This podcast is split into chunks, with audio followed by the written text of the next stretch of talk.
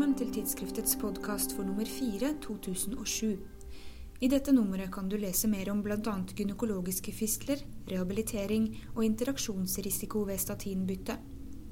Fra 1.6.2005 ble Simvastatin innført som foretrukket legemiddel blant lipidsenkende preparater. Begrunnelsen var først og fremst prisen. Norge har det høyeste statinforbruket i Europa, og samfunnskostnadene er store. Siden patenttiden for Simvastatin er gått ut, er dette vesentlig rimeligere enn de andre statinene. Espen Molden og Tone Westergren har skrevet oversiktsartikkelen 'Interaksjonsrisiko ved statinbytte'. Ifølge Molden, som er forsker ved Farmasøytisk institutt ved Universitetet i Oslo, var to spesielle hendelser bakgrunnen til at de skrev artikkelen. Bakgrunnen er to uh, bivirkningsmeldinger uh, etter bytte fra atorvastatin til simvastatin. Uh, den ene pasienten sto på varfarin og fikk en økning i, en INR-verdi etter bytte til simvastatin.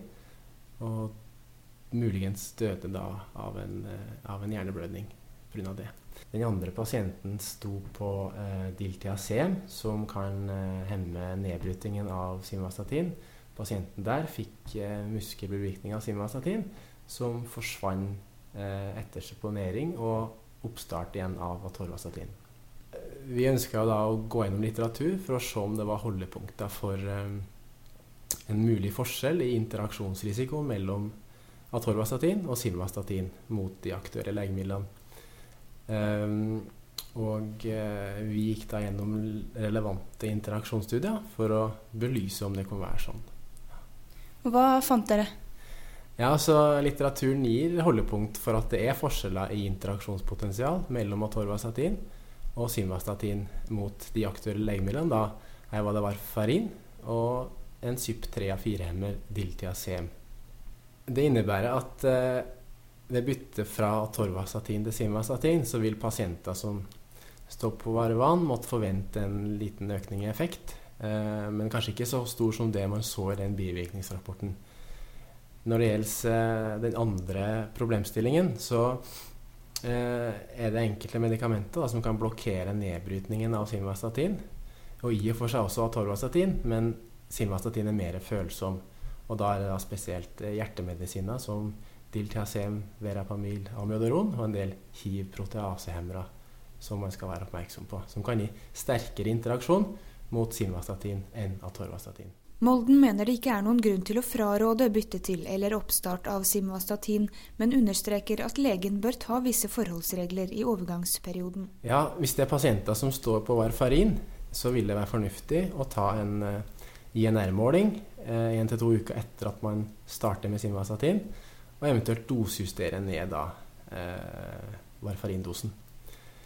Eh, når det gjelder den andre problemstillingen, så bør man være oppmerksom på pasienter som står på eh, de aktuelle hjertemedisinene, eller da hiv-medisinene, og dosere dem mer forsiktig med simvastatin, en lav dose simvastatin, for å begrense risiko for muskelbevirkning. Eh, kanskje man hos de eldre eh, pasientene kan vurdere å bruke et annet statin som ikke interagerer, for å sikre at man ikke får en bivirkning. Statens legemiddelverk vurderte det som uproblematisk å bytte mellom atorvastatin og simvastatin med tanke på interaksjoner, siden begge metaboliseres via CUP3A4. Molden er enig i det siste, men ikke like enig i det første. Vår konklusjon er kanskje litt mer nyansert enn den anbefalingen som Statens legemiddelverk kom med. Eh, men nå har vi også hatt muligheten til å gå i dybden på litteraturen. Så, sånn sett har Statens legemiddelverk en mulighet til å nyansere sine anbefalinger basert på det vi har kommet fram til. Bør de det? Eh, jeg syns de bør i hvert fall se på det, men så får det bli opp til dem da hvilke tiltak de vil gjøre. Avdelingsoverlege ved Statens legemiddelverk Steinar Madsen står fast på at statiner er svært trygge legemidler, men har heller ingen store problemer med Molden og Westergrens konklusjon. Ja, det er vel forstått en grei konklusjon. Eh, spørsmålet er bare hvor vidtrekkende konsekvenser denne konklusjonen har. Og eh, jeg tror det viktigste er på en måte å understreke at alle statinene er svært sikre legemidler. I 2006 var det omtrent 340 000 mennesker som brukte disse legemidlene i Norge. og antallet meldte bivirkninger er svært lavt. Alvorlige bivirkninger ligger på kanskje bare 10-20 meldinger per år. Så jeg tror det viktigste man kan slå fast, er at, at statinene er svært trygge legemidler. Men det er selvfølgelig eh, slik at når man skal bytte, så kan det av og til inntre interaksjoner, slik som denne artikkelen viser. Det må man ta hensyn til. Eh, forfatterne skriver at de mener det er behov for en nyansering av Legemiddelverkets uh, vurdering. Hva sier du til det? Jo, det kan man godt være enig i. At, at, men det vi har sagt, er jo at en av grunnene til å ikke bytte er faren for interaksjoner. Her, det, her gir man noen eksempler på dette, og, og særlig da med varfarin og, og diltiazem. Og det er jo kjente interaksjoner. slik at leger som da skal bytte fra atorvastatin til simvastatin, eller motsatt, de bør da sette seg godt inn i eh, preparatomtalene og ta de hensyn som er nødvendig. Men vil dere endre noe i deres anbefalinger? Nei, det ser vi egentlig ikke noen grunn til. Fordi eh, det er et meget, meget stort antall pasienter som behandles med disse legemidlene, og denne typen bivirkninger er svært sjeldne.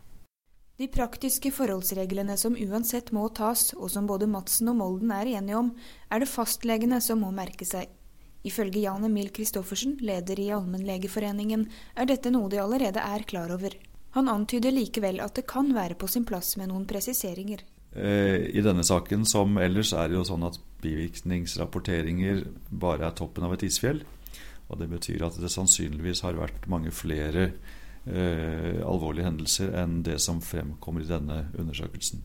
Og eh, det er nok slik at SLV kanskje bør presisere at også interaksjonsproblematikk må tas høyde for. Og jeg vil nok også gjerne tilføye at eh, når allmennlegene spesielt kanskje har vært kritisert for å være for trege med å bytte over fra Lipitor til, til Simvastatin, så kan det jo hende at det er fordi at slike operasjoner faktisk er mer komplekse og til dels vanskelige enn en det det tilsynelatende kan se ut som.